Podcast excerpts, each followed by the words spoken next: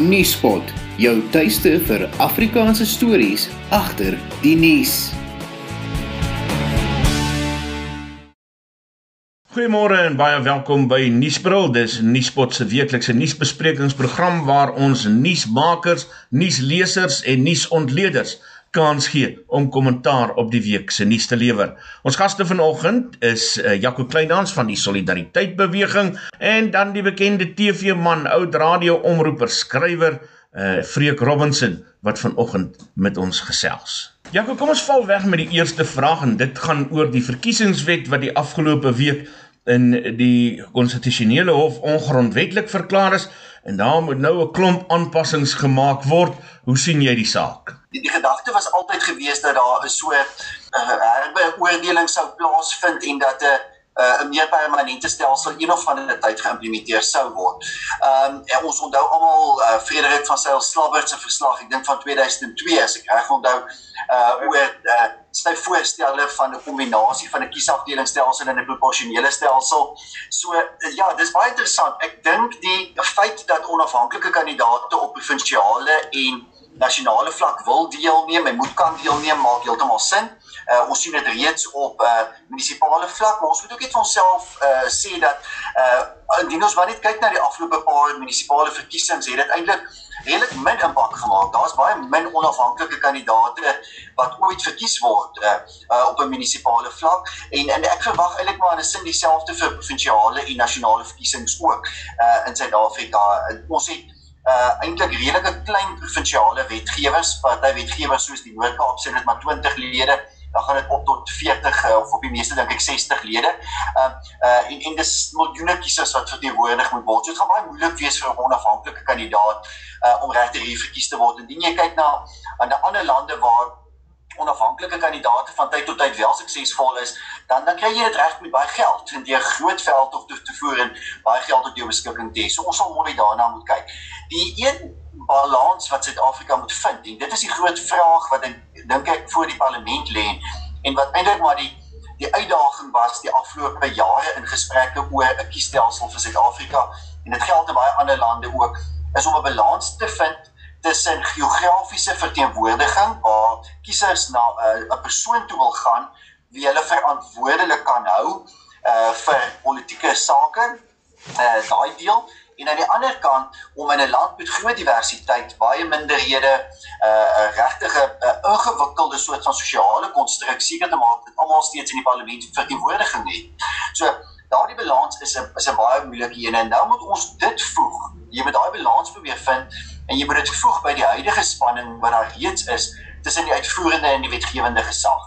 Waar ons eintlik sien in my opinie die afgelope paar jaar geweldig baie mag binne die Unie gebou en selfs binne die regerende party gesentreer het uh, en baie parlementslede, ook ANC parlementslede vir jou sal sê dat hulle eintlik voel dat die mag weggeskuif het van die parlement oor die afgelope paar jaar. So dit alles moet 'n balans tussen gevind word. Freek, jou mening hieroor, hoe sien jy die ding uitspeel? Ek dink dit is 'n fantastiese uitspraak. Dit gee ons nou 'n geleentheid om werklik op nie na die verskillende stelsels te kyk van van teenwoordiging wat ons in Suid-Afrika het. So ek dink ons moet begin Jaco Charles skens weg daarna verwys na die na die president. Die verhouding van die president met die parlement, die uitvoerende gesag en die wetgewende gesag.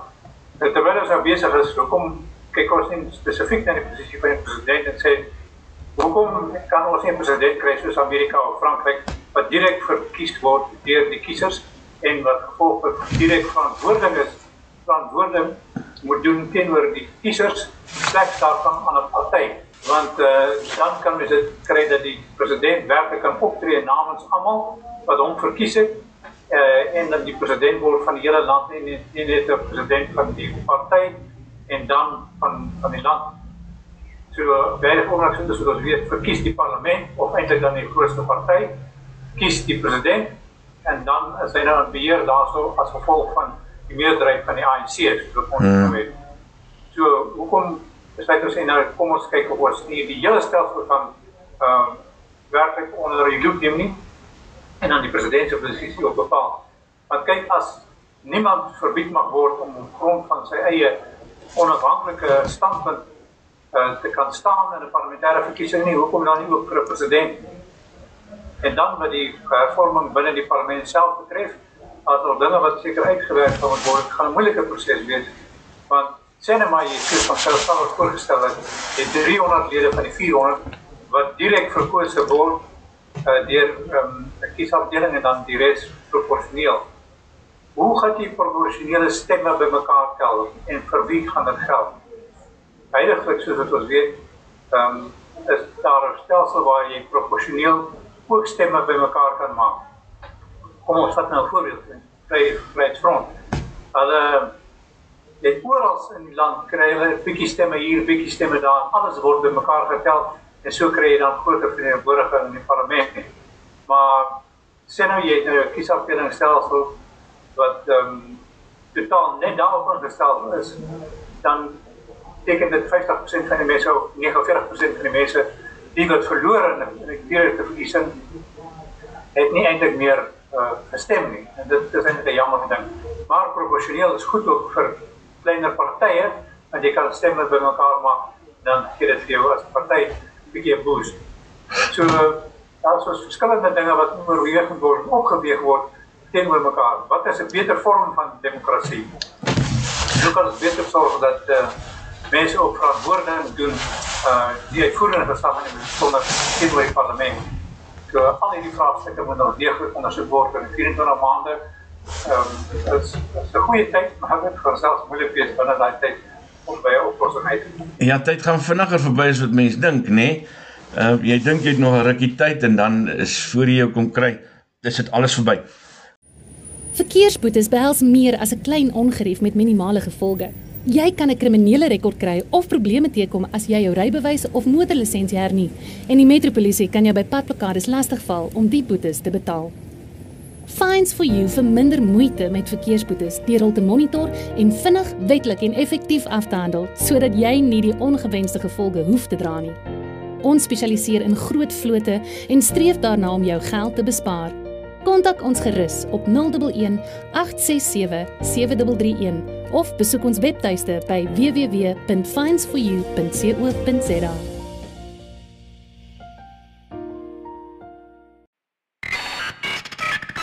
Jy luister na Nuuspot met Isak Du Plessis. Hoeveel setels het 'n onafhanklike kandidaat of hoeveel stemme eerder het 'n onafhanklike kandidaat nodig om 'n setel in die parlement te kan kry? Te vreek? Min of meer om dit nou maklik te maak om te verstaan is dat ehm um, die Vryheidsfront Plus sê altyd hulle het ehm um, jy moet 'n stadion vol kiesers kry en dan het jy een verteenwoordiger in die parlement. So dit is 'n baie rowwe soort van 'n definisie maar dit gee jou aanleiding van as jy die loftes een keer vol maak in een parlement in een parlement dat nou volgens die huidige stelsel proporsioneel stelsel En om te dink in 'n land van 60 miljoen mense, dis nie maklike ding om reg te kry nie. Maar ja, nou terwyl jy nou uh, praat, Jaco, ek wil uh, sommer hierdie vraag dan na jou kant toe gooi want dit is nou interessant vreek wat noem dat 'n mens nou sommer moet gaan kyk ook na hoe die land se president verkies word en uh hoe hy dan nou sy rol vervul.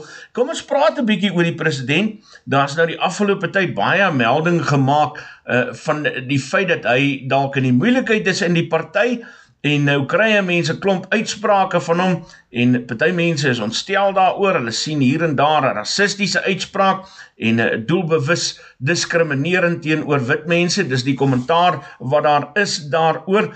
En ehm uh, dan het hy weer iets te sê gehad oor grondonteiening sonder vergoeding en 'n hele klomp goed wat hy in sy hoedanigheid as president van die ANC gesê het, die rol van die president op die oomblik. Is hy in die moeilikheid? sien jy probleme vir hom vorentoe?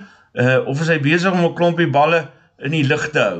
Uh Isak, ek dink nie uh president Ramaphosa is noodwendig oor die korttermyn in die moeilikheid nie. Uh maar ek dink hy uh alvaar sekerlik dat daar oor uh hoe lank is dit 2 of 3 jaar weer 'n uh, 'n ANC konferensie moet plaasvind waar hy graag verkies sal wil word as nog 'n termyn as leier van die party en gevolglik ook as president van die land. Ehm um, uh, en daarom moet hy nou die meer populistiese kant van die party uh, bly speel. Ons moet onsself altyd herinner dat by die laaste konferensie van die ANC waar president Ramaphosa uh, verkies is uh, teen Nkosazana Dlamini Zuma hy eintlik met 'n baie klein minderheid gewen het. Ehm uh, die verdelingslyn in die party was toe uh, baie 50-50 gewees en hy het regtig met 'n klein meerderheid daarin geslaag uh, om president van die ANC te word en uiteindelik ook president van die land. Uh daardie verdeling binne die ANC het sonder twyfel nie opgehou bestaan nie. Uh dit het nie skielik verdwyn nie. Ek dink uh, Ramaphosa se pogings uh, met kabinetsaanstellings en verskeie ander dinge uh, om die die strydende faksies binne die ANC bymekaar te bring uh het miskien hoogstens gedeeltelik geslaag. Hy het nie daarin geslaag om die party te verenig nie. Jy sien dit op provinsiale vlak uh, baie duidelik nog binne verskillende provinsiale wetgewers waar die waar die twee kampe, die ou kampe, die Zuma en Ramaphosa kampe baie baie duidelik bly voortbestaan, selfs op munisipale vlak beleef mense dit. Uh, en dan sien ons dit natuurlik um, in die politiek wat wat binne die ANC afspeel met die met Ysmagashule uh, en sy manne wat gereeld uh, sekere uitsprake maak. So ek dink Ramaphosa probeer soms uh uh, uh en ek dink hy maak 'n fout daarmee uh probeer hy 'n bietjie uitreik na die populistiese groepe binne sy party deur uitsprake oor grond uh onteiening te maak of om uitsprake te maak oor rasisme en die soort van dinge. Die goed wat ons die afgelope week of wat gesien gebeur het en waaroor daar baie ongelukkigheid was. Ek dink uh president Ramaphosa moet eenvoudig uh 'n sterker leiersrol speel. Dit voel vir my elke keer wanneer dit van hom vereis word om regtig vorentoe te tree en die belangrike leierskapsrol te neem dat hy dan effens effens sagter optree en dat hy goeders aan ander mense oorlaat. So uh, ek dink nie hy's in 'n slegte posisie noodwendig en dat dat dat uh, ons sy uh, sy grafskrif kan begin skryf van sy politieke loopbaan nie. Uh, maar dit is baie duidelik wel dat daar 'n groepering binne die ANC is wat uh, heeltemal gemaklik daarmee sal wees om hom uh, oor 'n paar jaar van nou af te ontsetel en eenvoudig iemand anders te van hulle voorkeur uh, president te maak. Dit die, die politiek van die ANC die afgelope 15 jaar dit vir ons bewys dat dit iets is wat gemaklik uh, sal gebeur. So dit is regtig eintlik jammer dat die president nie die die geleentheid wat daar eintlik in 'n krisis lê opneem uh, om daardie soort van leierskap te toon en dat hy heeltyd bly aanhou om leierskap te te delegeer aan mense wat eenvoudig weet ons net nie so bekwam is nie. Maar ons weet die ingewikkeldheid van die politiek uh binne Suid-Afrika, die ingewikkeldheid van die politiek binne die ANC waar hy verskillende groepe bymekaar moet probeer hou en dit is hoekom hy uh, ministers wat regtig oneffektief is, um uh, en ministers wat swak presteer by hom probeer hou omdat hy natuurlik bang is dat daar 'n soort van sterker groepering in die ANC teen hom kan kan begin organiseer.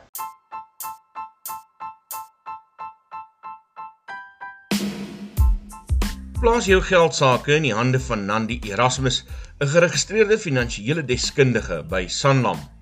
Haar dienste sluit in omvattende finansiële beplanning, beleggingsbestuur, welvaartskepping, boedelbeplanning, sakeversekering en koopooreenkomste. Bel haar vandag nog vir deskundige finansiële advies by 082 569 1948 of stuur 'n e-pos na nandi@ by sanlamforyou.co.za.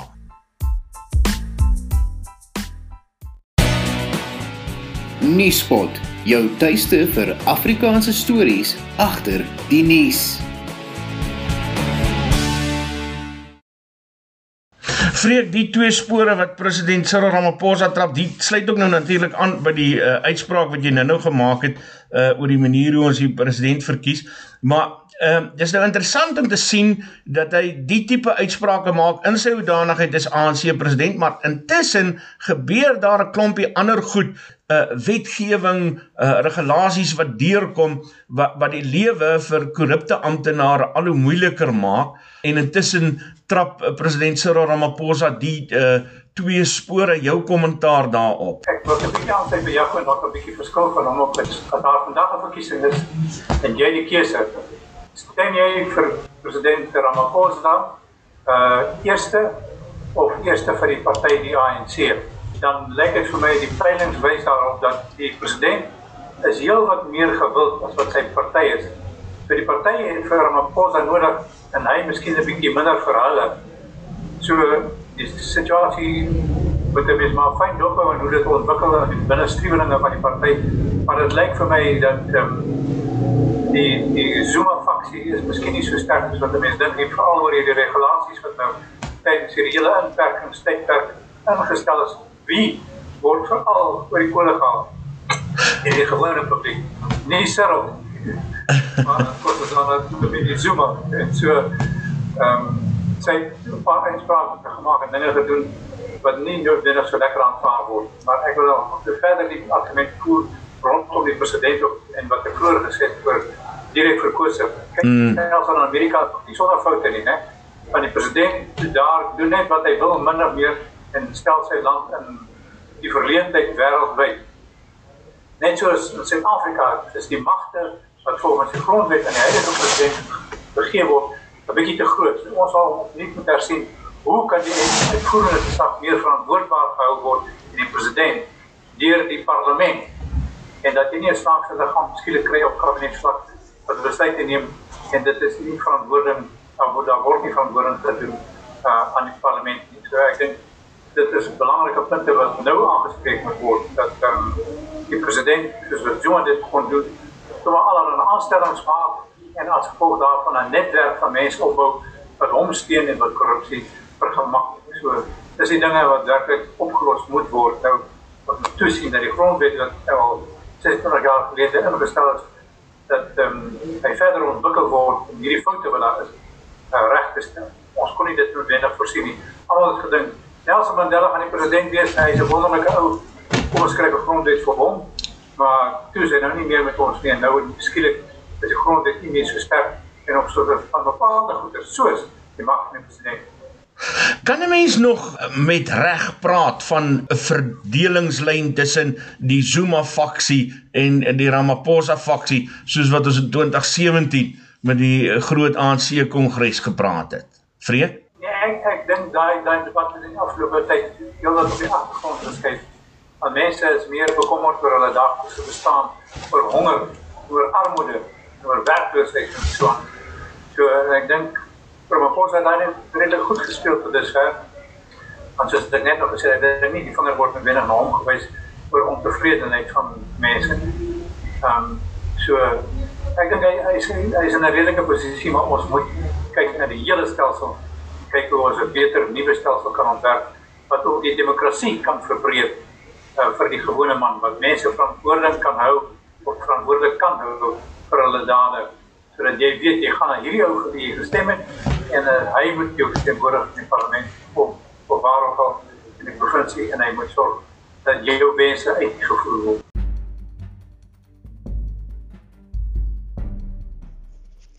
Daar volg gewoonlik 'n maatskaplike krisis op 'n ekonomiese krisis. Die gemeenskap moet daarom seker maak dat alles in plek is om mekaar te kan help in tye van nood. Helpende Hand as maatskaplike organisasie fokus veral op die verligting, verbreeking en die voorkoming van Afrikaner armoede.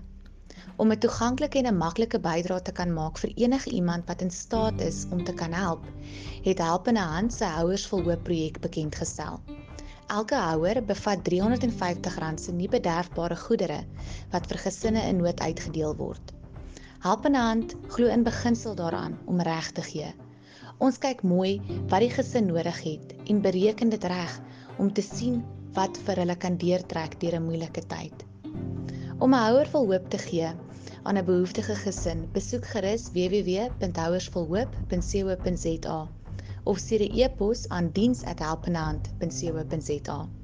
Wie is jy die houer vol hoop vir iemand wat honger gaan slaap elke aand?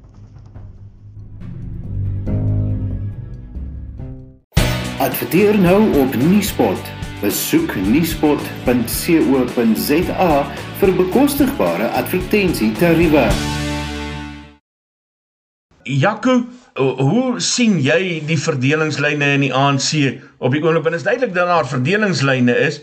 Ek sou net graag wil weet waar lê hierdie lyne op die oomblik? uh Isak, ek dink ek stem saam met Freek. Ek dink 'n mens kan dit nie meer net 'n blote Ramaphosa Zuma verdelingslyn noem nie, maar daar's definitief 'n verdelingslyn tussen uh 'n meer gematigde ehm um, uh, groepering binne die ANC wat verskaal meer verantwoordelik wil wees, 'n uh, groepering wat in elk geval uh, 'n baie meer internasionaal uh, uh, gesinde soort van ingesteldheid het wat goeie verhoudinge met westerse lande sal wil bly handhaaf. Ehm uh, uh, wat definitief 'n uh, baie meer versoenende soort van groepering is die Tito Mbowenis uh, ek sal verseker Ramaphosa en daardie groepering plaas en nog ander leiers en dan 'n baie meer populistiese uh, groepering binne die ANC uh, wat um, natuurlik die, die drywers is van uh, die hele uh, grondonteeneming sonder vergoedings uh, debat en en en verskillende ander uh, verskillende ander uh, uh, soort van populistiese boodskappe ook. Dis natuurlik ook 'n groepering uh, wat homself nader skaar aan sommige argumente van die EFF, maar natuurlik ook die EFF as een van die groot um, uh, bedreigings vir die ANC se se populistiese kant uh, uh, in elk geval insien. So die verdeling is nie meer net daardie eenvoudige verdeling nie, maar dat daar 'n verdeling is uh, is, is sonder twyfel 'n feit en dit is 'n verdeling wat deurloop um, uh, van nasionale regering deur tot op munisipale vlak reg deur die land. Wat is die groot drywer agter hierdie verdeling? Dit is 'n uh, deel van die ou probleem wat al in die 1990s binne die ANC ontstaan het Uh en dit is dat uh toegang tot posisies gee vir jou toegang tot hulpbronne. Uh daardie hele gedagte van kaderontplooiing van uh as jy in die strukture beland en jy ken die regte vriende en jy doen die regte dinge, kry jy toegang tot uh nie net posisies en poste nie, maar jy kry toegang tot uh uh natuurlik tenders wat toegeken word aan jou en al hierdie soort van dinge. Uh en en daardie politiek, daai werkinge binne die ANC is nog is nog baie baie duidelik daar waar daar byvoorbeeld binne 'n provinsie 'n duidelike streweling binne die ANC ontstaan tussen 'n groepering wat bereid is om die grense van korrupsie uh, steeds te bly toets uh, en die wat baie meer verantwoordelik moet optree. So vir my interessant genoeg is die wyse waarop president Ramaphosa iemand soos Tito Mboweni uh, toelaat om uh, om om sy boodskap konstant uh, te bly kommunikeer wat partykeer 'n boodskap is wat redelik ver buite die die middel van die huidige ANC denke staan. Ehm um, en en en daar moet 'n mens wel die president uh uh uh die krediet gee dat hy bereid is om dit te doen. My vraag is of die Mboweni denke tans 'n uh, meerderheidsdenke binne die kabinet is. En ek dink nie so nie. Ek dink Mboweni staan waarskynlik so teen die minderheid binne die huidige kabinet. Ehm um, en dit is wat my bietjie bekommerd maak is dat die die stemme wat die hardste na vore tree binne die kabinet ehm um, is die stemme wat uit 'n baie meer populistiese hoek binne die ANC kom. Ehm um, en dis mense wat 'n mens regtig uh, myns insiens nie vreeslik kan vertrou nie weens hulle weens hulle verlede. So ek stem saam, ons moet regtig kyk na 'n 'n totale herbedink. Ek wens mens kon dit doen van die politieke stelsel in Suid-Afrika. Mens sou wou hê dat die parlement 'n baie groter ehm um, uh, oorsigtelike rol ook moet speel. Daar's regte frustrasie onder parlementslede wat dit aanbetref. Uh, maar dan moet ons ook oppas om nie te beland in 'n posisie waar lande soos Frankryk, uh, Brittanje en ander lande op die oomblik is waar politieke partye 15 of 20% van die stemme kan kry en byna geen verteenwoordiging het nie omdat jy 'n uh, suiwer kiesafdelingsstelsel het nie. Dit 'n nuwe soort van frustrasie skep. So ons het 'n politieke stelsel nodig waar die president en die kabinet meer verantwoordbaar moet wees waar verskillende groeperinge in die land of dit nou kultureel of geografies of van watter aard ook al is 'n mate van verteenwoordiging moet hê in die parlement maar dat dit duidelik is dat ehm um, dat dit op die oomblik eintlik onmoontlik is om politieke partye verantwoordelik te hou. Dis dis die uitdaging van die stelsel op die oomblik. Hoe hou jy as individu, ek en jy as kiezer, ons drie, hoe hou ons uh, die ANC as party verantwoordelik of die DA in die Weskaap as party verantwoordelik? Jy kan dit eintlik nie regtig doen nie, jy weet. So Uh, dis die uitdaging. Wie bel jy as jy ongelukkig is oor iets? Jy kan dit nog op 'n munisipale vlak doen en miskien 'n wijkraad hulle te bel. Maar op 'n provinsiale en 'n nasionale vlak is dit onmoontlik. En ek dink dit is die dit is bietjie die breuk wat ontstaan het in Suid-Afrika. Een van die groot dinge wat die afgelope 2, 3 verkiesings gebeur het waaroor ons eintlik min praat, is oor die uh die groot hoeveelheid Suid-Afrikaners wat wegbly wat eenvoudig net nie meer stem nie. Dis baie swart Suid-Afrikaners wat eenvoudig nie meer na die stembus gaan nie, wat net nie meer stem nie. Dit is hulle enigste manier om eintlik hulle frustrasie met die politieke stelsel te wys, die absolute afname in deelname in nasionale verkiesings. Nou, daar is meer mense wat nie stem nie en die wat vir ANC stem. Dis net ja. met ander in my wil kan sê vir jou kan sê daar's waarskynlik twee goedes wat gelyktydig moet gebeur.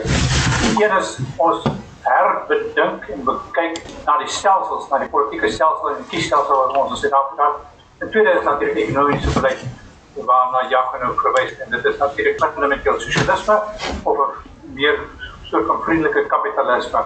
Dit is maar basies die debat wat aangaan. Maar ek wil ook van net net uh, wil aansluit hier te sê, wanneer laas het jy nou gehoor ietsie van S Magashule?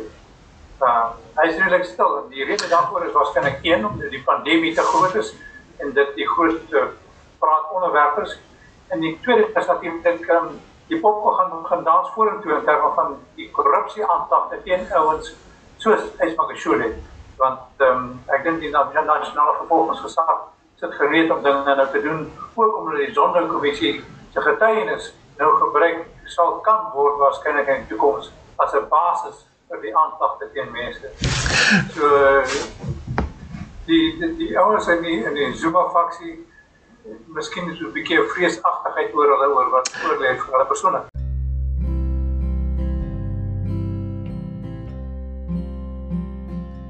Country Meat Linden verkoop nie net vleis nie, hulle is gek oor vleis.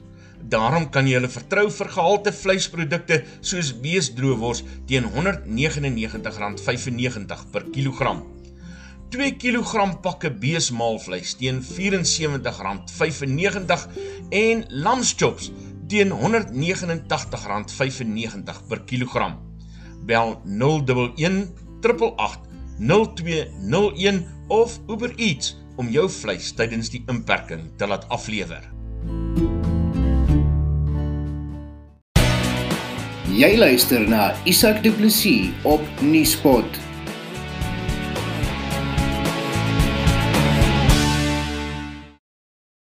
Ek wil gou-gou uh, uh, terug gaan Weskaap toe. Jaco het nou gepraat daar van die DA in die Weskaap.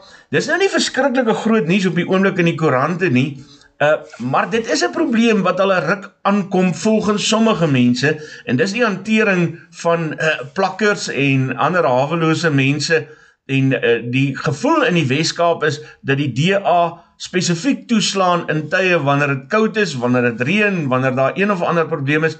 Hulle het nou daar in in die Weskaap weer 'n klomp mense gaan uh, op 'n hoopjag. Daar's 'n groot probleem in die Weskaap ten opsigte van informele nedersettings. Jaco, eh, jou kommentaar op die DA se hantering daarvan. Wel, Isak, ek dink die belangrike wat ons moet verstaan is dat die die, die Weskaap 'n enorme immigrasieprobleem het. Ehm uh, uh, onthou die Weskaap is een van die groot trekpleisters van mense uit armer landelike provinsies, veral die Oos-Kaap, maar mense trek ook uit verskeie ander provinsies, die Noord-Kaap, die Vrystaat en ander provinsies. Uh, omtrent 300 000 mense vestig elke jaar, hervestig elke jaar in die Weskaap. En dan dink ons nie eens hier net aan gewone bevolkingsgroei uh, wat ook plaasvind nie. So op die oomblik het ons in Suid-Afrika omtrent 13% van ons bevolking wat in informele nedersettings woon. Dis enigiets tussen 6 en 7 miljoen Suid-Afrikaners. Uh en die provinsie met die meeste plakkerskampe en die meeste mense wat in plakkerskampe woon is nie Gauteng nie, dit is die Wes-Kaap. Uh daar is enorme plakkerskampe in uh Kaapstad, die Kaapse metropool, maar jy sien dit ook rondom uh ander ekonomies suksesvolle gebiede, gebiede soos George. Ehm um, jy kan maar net in twee ry rondom George, jy sien dit baie duidelik daar, jy sien dit rondom Woeste, jy sien dit rondom die Parel, Franschhoek, Stellenbosch gebied. Ehm um, En en die rede is eenvoudig. Ek het al in die Oos-Kaap gaan ry. Nie in die ou uh Siskei of Transkei gebiede gaan ry. Ek ken van die van die uh hoofmanne daar in die ou Siskei gebied by wie ek van tyd tot tyd uh besoek gaan aflê. Dan sê hulle uh in in daardie nedersetting staan huise leeg. Die huise staan eenvoudig leeg. Daar is niemand wat in hulle 20s en hulle 30s of selfs in hulle 40s is wat meer daar woon nie. Uh almal trek na die Weskaap in die hoop vir ekonomiese geleenthede. En dit is die uitdaging wat die Weskaap in die gesig staan. Toe Helen Zille nog premier was, het sy al gesê daar is geen manier waarop die Weskaap die hoeveelheid huise kan bou uh, wat nodig is om hierdie enorme jaarlikse invloed te kan hanteer nie. So uh, dit dit dit skep weer hierdie hele vraagstuk oor grense en en, en hoe hanteer ons interne immigrasie in Suid-Afrika want jy vind enorme interne immigrasie in die land plaas uh, en dis iets wat ek nie sien besig is om af te plat of rustiger begin raak nie. Nou wat doen die DA?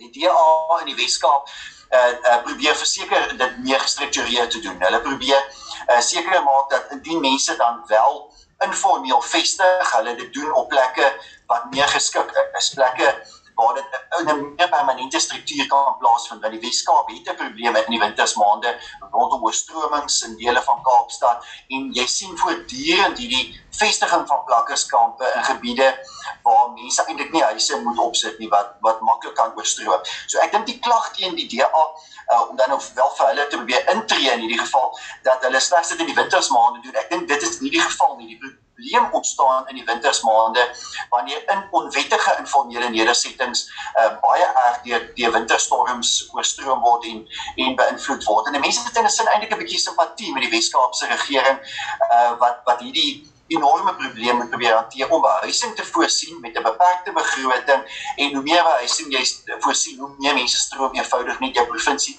in uh, omdat dit op die oomblik steeds die die provinsie in die land is wat die hoogste ekonomiese groei het waar waar waar heelwat werksgeleenthede, nuwe werksgeleenthede geskep word. So, dis 'n baie moeilike, dis 'n catch 22 situasie, nou. Dis 'n baie baie moeilike uitdaging wat hulle in die Weskaap het. Ek sien nie hulle doen alles reg nie, maar ek dink daar is 'n poging ten minste om 'n soort van ordelike vestiging uh, in die Weskaap te verseker. En nou moet jy mense jouself die vraag afvra, watter soort vestiging wil jy? Moet mense eenvoudig toegelaat word om onordelik plakkershuise op te sit of moet jy probeer dat dit meer ordelik binne strukture plaasvind waar dienslewering, basiese dienslewering ten minste moontlik is? Adverteer nou op Nuuspot. Besoek nuuspot.co.za vir bekostigbare advertensietariewe. Jy luister na Nuuspot met Isak Du Plessis. Gepraat van geweld, ek wil daar's 'n paar minute tyd oor. Vreek ek wil daarna jou toe gaan en sommer met uh, dit op jou skoot gooi. Die minister van polisie, Bekkie dis nou nog steeds in die nuus met sy harde kwashouding uh ten opsigte van sy polisie mag. Uh dit terwyl ons sien en al hoe meer berigte hoor van uh polisie geweld uh brutale polisie geweld teenoor burgers. Wat is jou mening oor die situasie van polisie geweld op die oomblik in Suid-Afrika? Nee, dit is onaanvaarbaar. Wel, wij weet dus dat er internationale debat aan die gang oor racisme. Uh en ek dink hierdie goeters het ook nie hier in Suid-Afrika negatiewe so van invloed gehad aan mense vra hoe is dit dat een swart man se dood in Amerika so geweldige gevolge het terwyl 'n ander swart man hierso um, in Suid-Afrika sterwe en geen hand kry daarna nie. Dit is beteken nie swart mense lewe meer as die ander. En ek dink ons moet miskien as gemeenskap, as samelewing in Suid-Afrika opnuut begin kyk na onsself. En dit is iets wat ek myself redelik gaan probeer besig hou in die volgende maande en so aan. Dis hoe kan ons as Suid-Afrikaners nader aan mekaar kom ongeag van die politieke stelsels wat ons het. Dat ons 'n maatskaplike verdrag met mekaar kan sluit Byvoorbeeld, 'n uh, interessante voorbeeld is uh, eh, Dr. Bram Hanekom van die Sentrum vir Openbare Getuienis vir die afgelope 3-4 dae as deel van die NG Kerk se poging tot samelewing uh, gerigte projekte sorg dat 50 gesinne uh, gehuisves word en dat hulle voorgesorg word. Dit is nou mense wie se huise oorstroom is en so aan. Dit is daardie soort van ding wat ek dink ons as Suid-Afrikaners meer en meer moet doen want jy kan nie 'n regering staat maak om alleen die regte ding te doen nie want hulle doen dit nie. Tweedens is hulle eenvoudig net nie in staat om te implementeer wat nodig is nie. Soos byvoorbeeld hierdie nuwe uh spesiale uh um, wat wat het hulle genoem spesiale soort van fonds wat gestig is sodat mense wat nie hulp van die staat kry op 'n ander manier nie wel geld kan kan kry 350 rand 'n maand dink ek. Nou dit is, kan nie geïmplementeer word nie want ek dink net 'n kwart van die mense wat moet kry, het dit gekry. So ons as Suid-Afrikaners moet besluit ons moet 'n groter rol speel om die samelewing te laat werk om werklik vir mekaar op te tree, mekaar by te staan en ons land vorentoe te vat teks kan om net te wag vir die politici wat of hulle kan mens verseker nie alleen rekenskap of alleen op hulle staat maak. Uh Jaco, daar's nog so 3 minute oor as jy 'n stukkie kommentaar hierop wil lewer.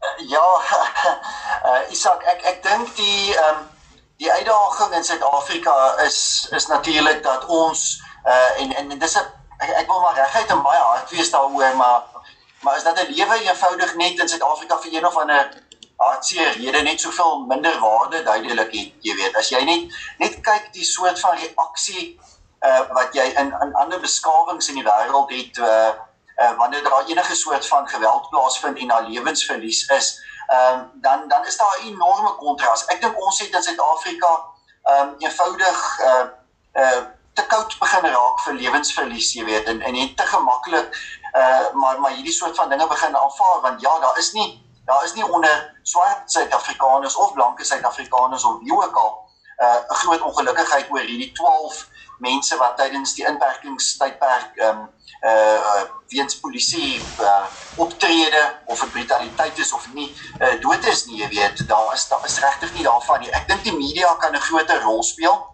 Ek dink die media speel 'n rol en ek dink ek het net weer besef tydens hierdie uh inperkingstyd die afgelope 3 maande of wat um, hoe ongelooflik dit belangrik is dat ons in Suid-Afrika 'n onafhanklike media moet hê en onafhanklike media moet behou wat behoorlik hieroor kan gee ehm um, en en uh, kan seker maak dat dat mense verstaan wat besig is uh, om in die land te gebeur. Ek dink die die een van die belangrikste uh, instellings wat op die oomblik uh, uh, voorberei is om om mense tot verantwoording te roep. Mense soos minister Cele tot verantwoording te roep, uh, is die media. Politieke partye speel 'n rol, burgerlike organisasies soos waarvan ek self deel speel 'n rol, maar die punt is dat ons sal uh, moet moet in Suid-Afrika weer vir onsself en vir mekaar sê uh, wat wat is dit wat vir ons belangrik is? En ek dink die uh die die ervaring van wat in Amerika gebeur het die afgelope byna 3 weke maar wat ook oorgespoel het na ander lande moet vir ons sê dat in Suid-Afrika of 'n boer is wat op sy plaas vermoor word